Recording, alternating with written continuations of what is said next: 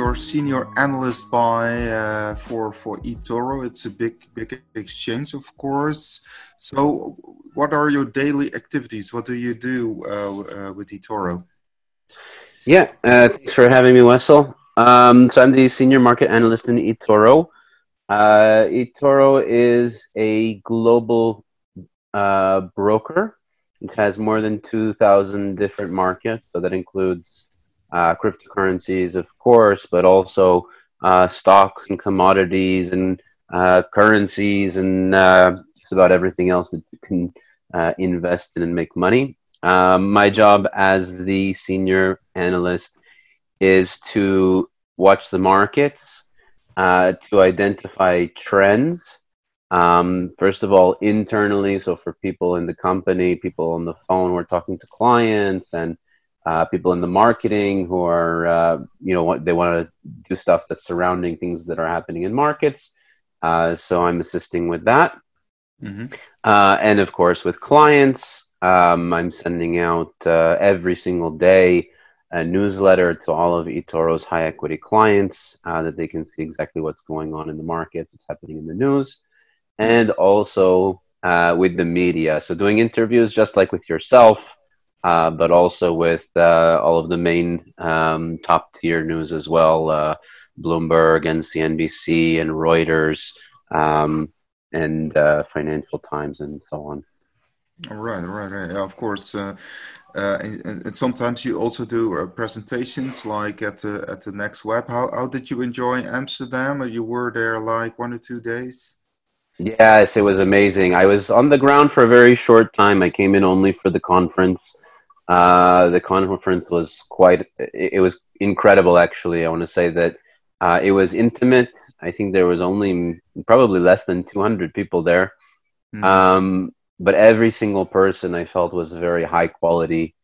Um, I received a lot of good feedback. People really liked the speech that I gave about the uh, what's going on in the economy at the moment and how to invest right now in this time I believe that there's a lot of clear opportunities for uh, for investors. Um, mm-hmm. And so, uh, yeah. yeah. If we dive into that, I mean, we, have seen, of course, the stock market and also the the negative interests on on uh, saving accounts, etc. Um, how do you see the position of, of gold and also Bitcoin in the current uh, uh, landscape? Yeah, so at the moment I'm uh, I'm holding both quite heavily in my portfolio. Uh, gold, I just uh, increased my position last night simply because, um, you know, it's come to a nice uh, a nice point on the technical analysis where it's it's a very good setup. Uh, mm-hmm. with with which has you know obviously past performance is not an indication of future results, uh, but the setup is quite a bullish one uh, as well. And as you mentioned, uh, we're talking about a trend in the global markets of negative interest rates.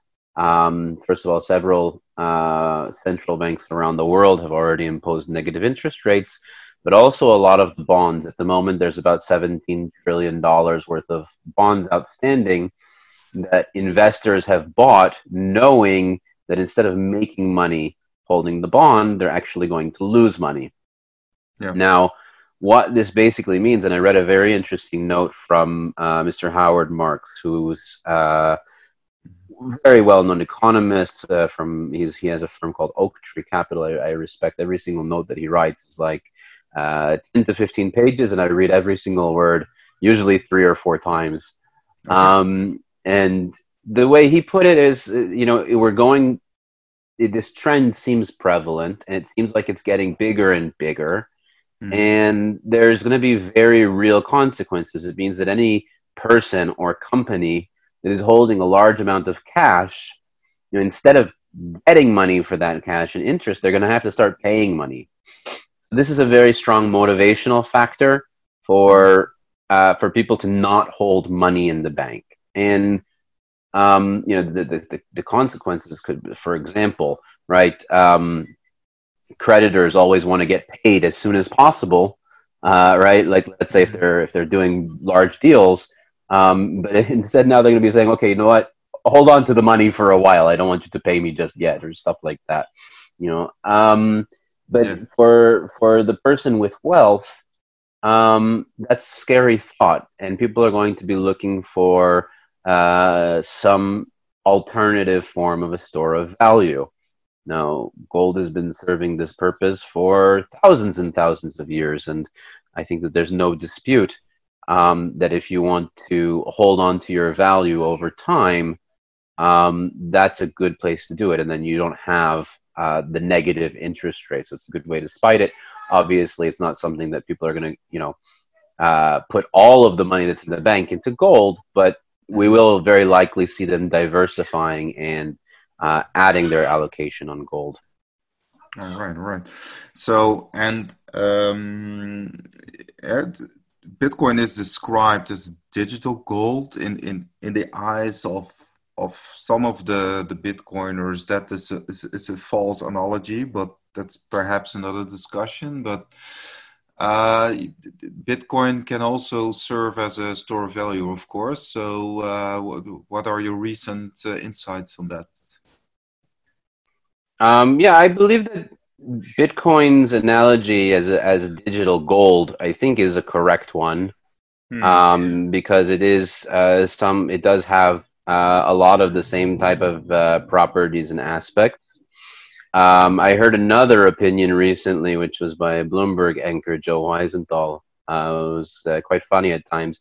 He compared Bitcoin to digital alcohol, um, yeah. where uh, you know instead of taking a fruit right and it, fermenting it and turning it into uh, you know into wine or, or, or, or vodka or scotch, actually what you're mm-hmm. doing is taking electricity and refining it into something that's more permanent, transferable uh, and it, it, was just an interesting analogy, I thought.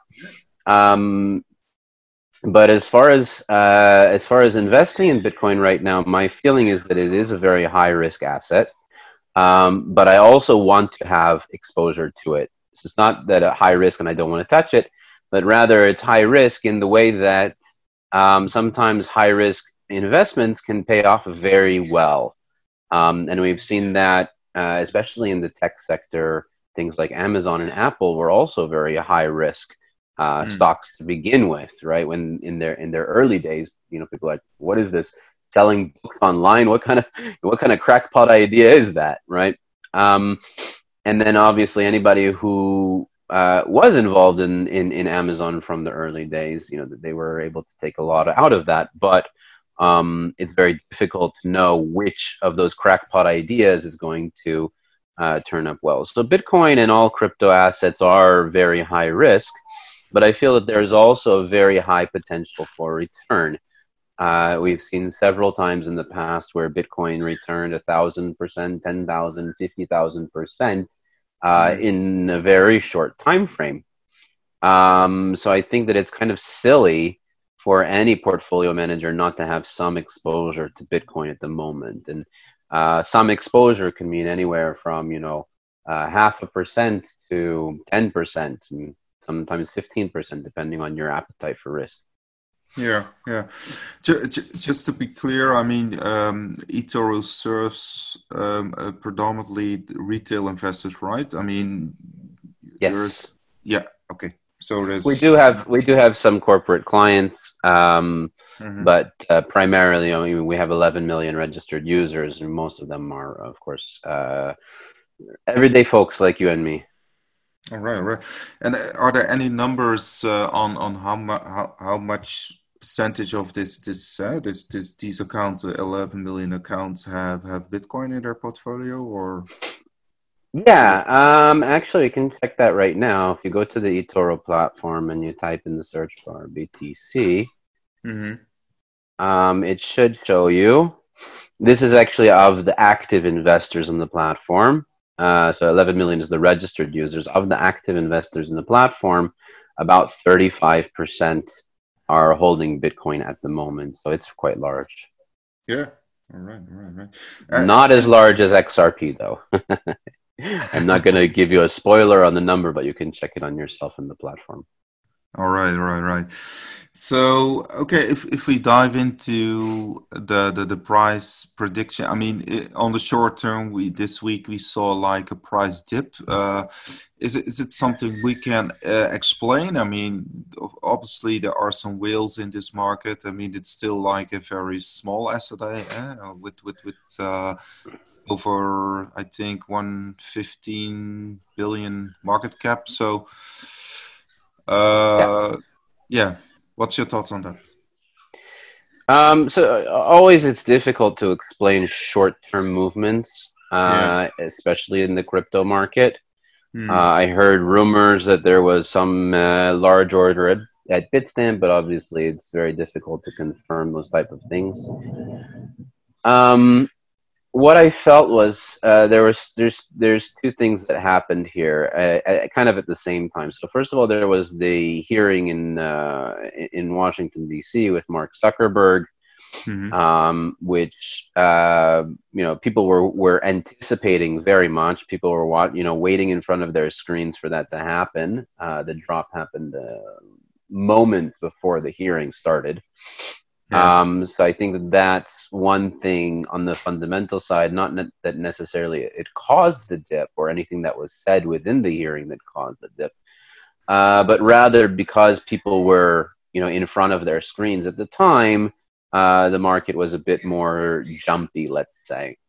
Mm. Uh, the second thing that happened, mm. and probably more critical, was there was a breakout uh, to the downside of a critical support level, not necessarily critical support level, but at least the support level that had been building up uh, for some time since uh, since the beginning of the month. Let's say, um, you know, Bitcoin had not gone much below seven thousand seven hundred and fifty, and all of a sudden, once it broke below seven thousand uh, seven fifty ish, that level. Uh, that was considered a breakdown by the market and people had uh, taken that for all it was worth. Yeah, yeah, okay. So, so for, for, I mean, everybody's uh, behind their screens, and then there's just more, just more trading activity. Also, I saw the volume was was picking up. I mean, the volume was wasn't that great the the weeks before, but uh, was dismal the week yeah, before. Yeah, it was yeah. terrible. But you know what? Even uh, okay, so let's say let's use a Messari uh, volume indicator. Messari crypto tracks the top ten exchanges mm-hmm. uh, who have been determined not to do wash trading on their exchanges. There's a lot of fake volumes in the crypto market.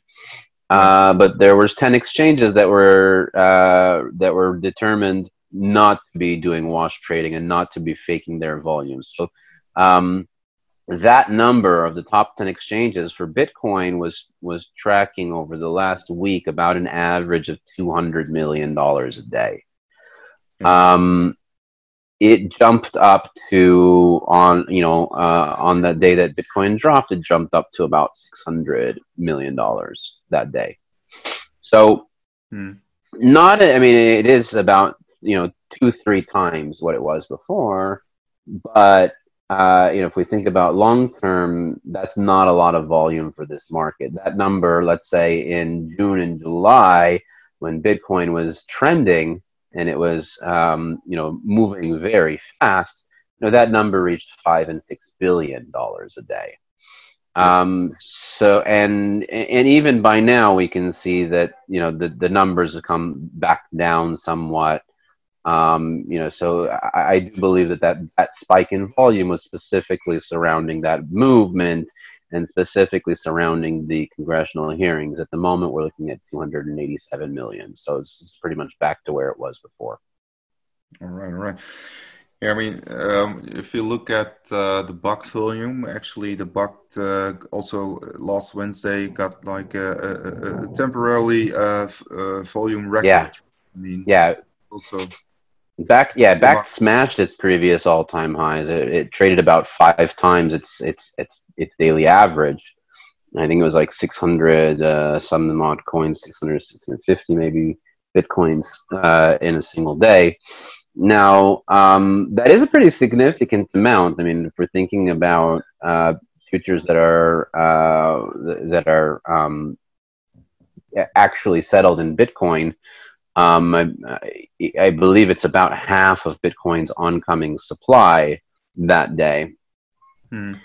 Um, so it is kind of a significant number. I mean, these are not the numbers that we would expect from Walton. Overall, it's about you know still less than five million dollars, um, which is is you know it's it's really penny change for uh, for for Wall Street traders, and we've seen you know the, the, the contracts on the CME group surpassing those numbers by far. Hmm. Um, but it, it it confirmed for me at least um, something that I had suspected for a while that as Bitcoin uh, or when Bitcoin becomes, I, I wasn't surprised that Bakkt uh, came online with small volumes. Um, and, and my assumption at the time was when there is volatility, that's when the volumes will come. And uh, even though today the volumes have kind of receded on the top 10 exchanges, uh, we can still see that they're somewhat up today. Uh, right now, we're trading 300 uh, Bitcoin so far today, and the United States session is just getting started. Yeah. Uh, so that means that even though the exchange volume has receded back to its previous levels, uh, is still uh, today doing more than it, it has ever before. All right. Yeah, there is this trend that more financial products are moving into the market. I mean, uh, Bakkt is, is introducing options on, on futures. CME is uh, looking into yep. options into futures. I mean, in that sense, Bitcoin becomes more of a, a speculative asset, of course. I mean, it was all, always a speculative asset, but it becomes right. more of a yeah playing ball. well, I, I, think that this is market maturity. The more the more products, uh, obviously, there's no one you know make it or break it uh, product for Bitcoin because there's so many different um, ways to trade it. Um, the more products that added and the more ways to trade Bitcoin, the better off we're going to be as far as price discovery is concerned and liquidity. And those are the main things that uh, that contribute to stability in the price. And I think that's ultimately a good thing. Yeah, yeah. I think it was uh, the, the, the former chairman of the CFTC, uh, Giancarlo, who said that uh, when when the shorts got introduced uh, to the market end of 2017, then also the the, the uh, there was the possibility to short this asset, and and that actually caused right. this this dip. Uh, what do you think of these these comments? Uh, did it cause the dip, or, or was the lack of that option what caused the bubble? Um, mm. Or is it just a coincidence of timing? Uh, yeah. I don't think that these that these things are, are, are very clear or easy answerable questions. Mm-hmm. Okay. Um, yeah, it, Bitcoin overall is a very illiquid market. I mean, first of all, um, to say that there was no possibility to short Bitcoin before, it's not necessarily true. I mean, in eToro, we've had the option to short Bitcoin since 2013. Okay. Right? It, it just wasn't readily available. But also the fact that it was suddenly available on Wall Street, even though that availability was only in paper um, that lends itself to price discovery. And yeah. price discovery um, is generally what happens. Um, it, it, basically keeps the keeps the price stable and keeps it uh, makes making sure that we have the correct value uh, of a specific asset. Mm-hmm.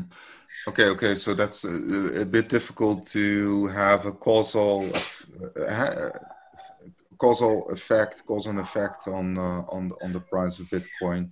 The introduction of CME futures, CBOE futures, and the dropping of the price. Yeah. Yeah, I mean, look, there was also, um, you know, at the time some other other things that happened in the market, and um, who's to say which of them exactly caused people to to buy or sell? It is not. I don't think it's all clear. Hmm. Yeah, of course, we had the, the crypto winter, and actually nobody expected uh, to have this this uh, upswing in 2019. Uh, did did you expect it? I mean, we started at uh, uh, yeah 3,700, I think, in, in January, and uh, we ended in 14,000 in in, in, in June. now we're around uh, yeah eight thousand.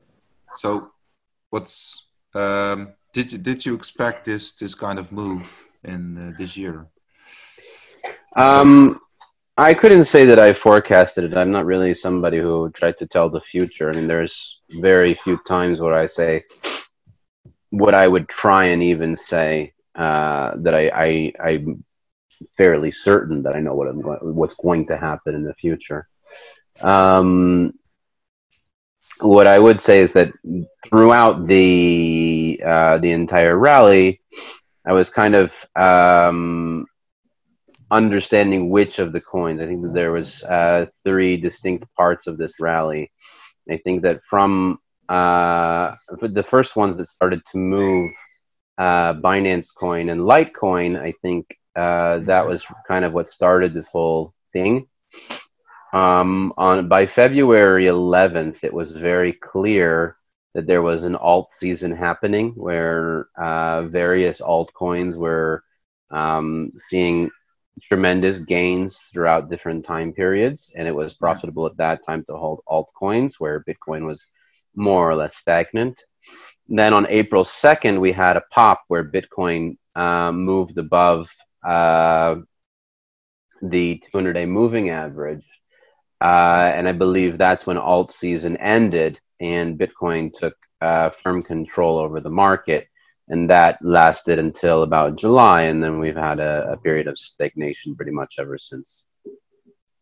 Yeah, yeah, yeah. If you look at the channel, then then we are in this this uh, this stagnation consolidation, yeah, stagnation uh, channel. Um, if you look at, I mean, we are still like eight months away from the halvening. The the the, the block rewards uh, will be uh, halved uh, for the miners. If you look at the history, then it always has a has effect on price uh, because, of course, there are less Bitcoin on the market. Um, what are your yeah expectations from this event of this event? Uh, I'm actually going into this with zero expectations. I have no idea what's going to happen in this halvening. Um, I mean, yes, it's very possible that um, due to the re- reduced incoming supply, we'll get uh, an increase of demand, especially in an asset that is so scarce, such as Bitcoin. Mm. Um, and, but I, I, don't think that whatever happens, whatever is going to happen, is necessarily already priced into the markets. Um, but rather, I think that we're that we have some ways to go before this event um, and uh, I think that it will be exciting to watch how it unfolds. Yeah, yeah. Okay, okay. And uh, are you familiar with uh, with the model, the stock to flow model of, of Plan B? This this um, it's actually he, he, he um, how do you say? Uh, he has, has made this stock to flow model in in the sense that uh, Bitcoin is compared to other hard assets like gold and, and silver, and uh, um, it's also attached to this uh, yeah this model of scarcity. So uh, because of a fixed supply, and, and, and we have now 80 million Bitcoin.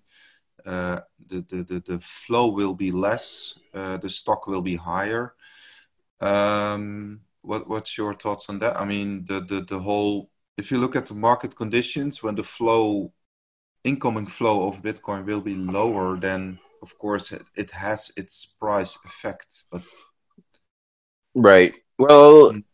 yeah, Bitcoin is notoriously scarce. I mean, it's uh, kind of built into the code for Bitcoin. This is one of the core principles of this market. So, yes, definitely. Um, what I would add to uh, Plan B's uh, projections and charts mm-hmm. simply is the, the level of coins, first of all, that have been lost uh, due to owner death, misplacement of keys, throwing out a hard drive, those type of things. Yeah. Uh, a, and the other um, the other thing is that you have a lot of coins that are um, locked in hodl wallets, as we mm. call them, where people are not willing to sell at any price. right? Uh, and I believe that the supply that we're looking at for Bitcoin is a lot less than people actually think. Um, my best estimate is that there are only about four or five million coins on the market that are at any given day uh, that can be traded, probably even less. So um, that are liquid, liquid, uh, yeah. We're talking about a very illiquid market, which is by design um, can be very volatile and, and can be susceptible to price movements with even a single large order. Yeah, yeah, yeah. So if, if so it's it's it's quite hard to make any prediction, right? I mean, if if you look at uh, historically, the last quarter of every year is also a good good yeah. I mean, a good quarter for Bitcoin, but uh, we've seen yeah. uh, October hasn't started uh, that, that well. people try to make those uh, assumptions in the stock market as well, and I've seen you know people even collecting lots and lots of data about which month specifically is best for the markets and which day of the week and stuff like that. It, it, for me, these things are, are kind of trivial. It, it's a long term play. You know, as the network grows, as more and more people become part of the network, uh, this the the available supply drops.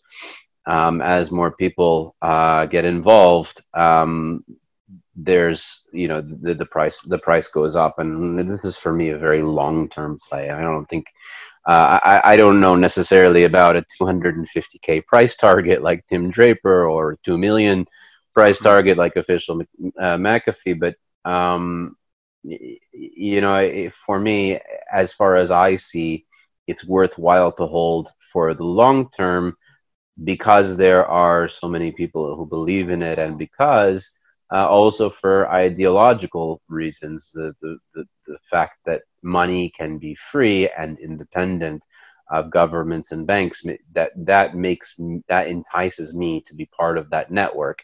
I'm not going to mine Bitcoin and I'm not going to set up a node. I'm not that technical and I don't have the time for it. But as an investor, it's something that I want to hold. All right, all right.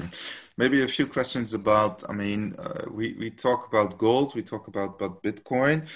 Uh, of course, when we look at Bitcoin, it's like digital and transferable, and and of course you can transfer it via internet or even satellites or, or radio waves, etc. Uh, if you look at Bitcoin as a as a network and also as a payment, uh, do, do do you? Of course, there's this Lightning network that is built upon the, the, the, the, the ground layer of Bitcoin. Is it something you're interested in or you, you follow the? I'm certainly watching the developments in the Lightning Network. However, I am less optimistic about it. I've used mm-hmm. it personally. Um, I really appreciated the initiative of uh, Hodlonaut on Twitter who I'd been speaking to for months, and um, eventually was passed me the lightning torch, which was quite an honor uh, to receive. Um, but after using the Lightning Network, I found it very difficult from a user perspective. And what, what people keep telling me is that, that the UX is, you know, it, it's not their concern. Their, their concern is, you know, the, the, the, the, the nitty gritty and the infrastructure is fine but they've been working on this infrastructure for a very long time. I found the way that invoices work, where you have to actually send somebody an invoice, uh, was very tedious. The invoices were long in text, uh, mm-hmm. very very text heavy, and they expired very quickly. So uh, if somebody was not on the other end waiting, I mean, it's fine in a payment situation, right? You got to get up to the counter. They give you the, they show you the invoice. You scan the code that's fine. But on the internet, on social media, I found it very, very tedious where I needed to continuously uh, post invoices for people. And if they weren't, you know, then I need to renew the invoice. And that was just mm. uh, messed up. But further than that is, is the issue of liquidity. The fact that you have to lock Bitcoin up in a, in a node. Mm. The fact that if there isn't enough uh, Bitcoin in that node, uh, the transfers just can't get sent. um, it, it's kind of uh, for, for me, it was it just didn't seem like a very great solution for long-term scalability. It, it, it, it, it was wonderful in that it was cheap, it was fast. I think it was even I don't even think I paid any fees using the Lightning Network whatsoever, and I made several transactions. Um, and and it was very quick. I mean, almost instantaneous. Um, but I think that it's diff- they, they still have issues that they need to sort out specifically regarding liquidity, regarding the invoice system, and uh, you know, and, and regarding um, the, the user interface because uh, th- those things for me were, were, were a very difficult experience. All right, right. Yeah, I think it's still an experiment, right? I mean, there are still some bugs in it, and uh, mm-hmm. it's still still building building. Uh, so if, if you look at uh, the industry right now, I mean, and you compare it to the tech the tech bubble, uh, uh, I mean, are we still in the beginning of the '90s, or I mean, mm. are we still in this? Uh, I mean, are we still warming up for the first inning? Right. I mean, if you look at the developments of of this ecosystem, like yeah. the the crypto Bitcoin ecosystem? Yeah, I think that it it seems like we're still early days for Bitcoin. Um, I mean, I, I, was pretty amazed, and while I was in Amsterdam, I, I, sat next to a gentleman from Ireland in the bar. Mm-hmm. Uh, you know, he asked me what I do. We started talking. He's like, "Yeah, I got some Bitcoin." So, I mean, it's it's already regular uh, for people to understand what Bitcoin is and to have had transactions. Um, and I think that the number of people uh, is growing quite rapidly, but also can uh, grow further if we do see better innovation as far as uh, wallets and technology um, and adoption by merchants. Um, and I think that there's a lot of there's a lot to grow. There are also there's also various dangers, um, especially particularly from uh, the mining side, where we see the hash rate growing very, very fast, and I believe that that's um, largely based on uh, technical innovations from the mine uh, from the hardware providers. Um, I, am not so scared about, let's say, uh, these Google supercomputers because I believe that that's something that's not yet a threat, but mm-hmm. once it becomes a threat, can be easily dealt with uh, if the community rallies together, which I believe that they they will, uh, mm-hmm. if that is, if that does if that threat uh, does manifest. Um, mm-hmm. So I, am quite bullish on, on on Bitcoin in general. I love what it stands for, and I, I and I believe that my way of joining this network is to have exposure in it. All right, and it, it, is there a, a, future possible that our kids and our grandkids will will pay with Bitcoin or satoshis? Is is that a foreseeable future? I mean, or is it just like I know it's it's just like a dream? I mean, uh, I believe that it is a possible future. I, I don't know if it's necessarily the most likely one. Um, I know that they've been printing a lot of uh, money lately, which is unbacked fiat currencies which can be a problem. I hope that this somehow gets resolved. I don't know how it's going to get resolved at some point. For now, it hasn't been that much of a problem. We haven't seen hyperinflation. I hope it stays that way.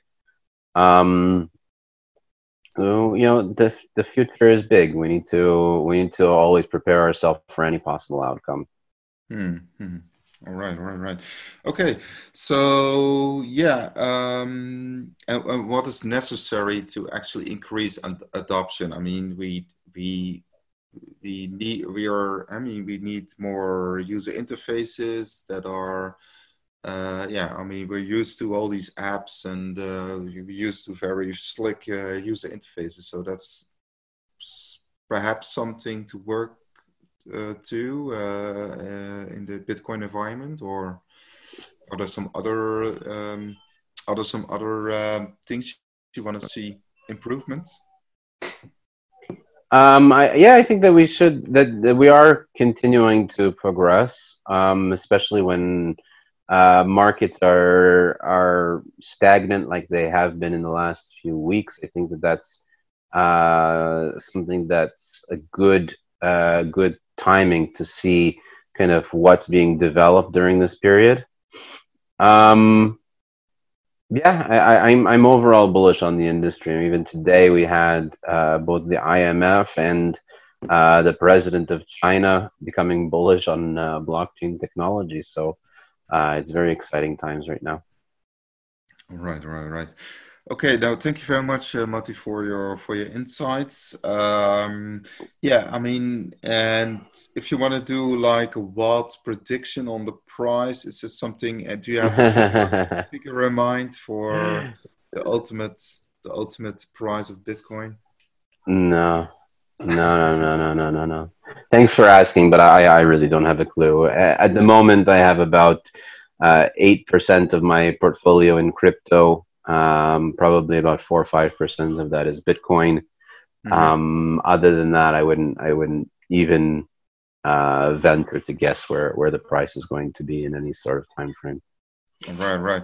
Actually, people can find your portfolio on eToro, right? I mean, it's all transparent.